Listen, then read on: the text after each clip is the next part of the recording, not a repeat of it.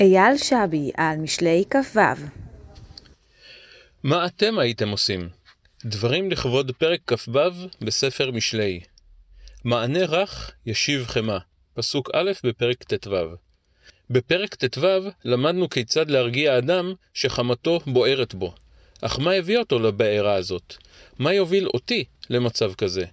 כיצד אגיב למשל אם אגלה שהשכן תפס את מקום החנייה הפרטי שלי מתחת לבית, ולי לא נותר היכן לחנות?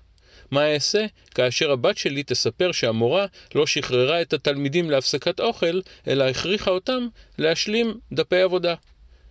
זה מכבר החלטתי לנקוט בהקשר הזה את גישת והווה דן את כל האדם לכף זכות.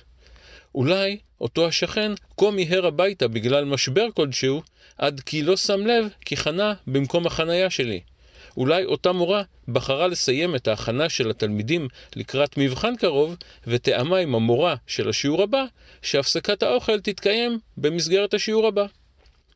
כאשר אני מצליח ליישם גישה זו, אני נקי מן התחושה שכל העולם נגדי.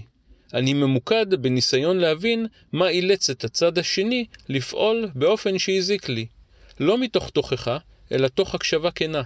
אני פתוח לשמוע הסברים, בלי להיות נרגן.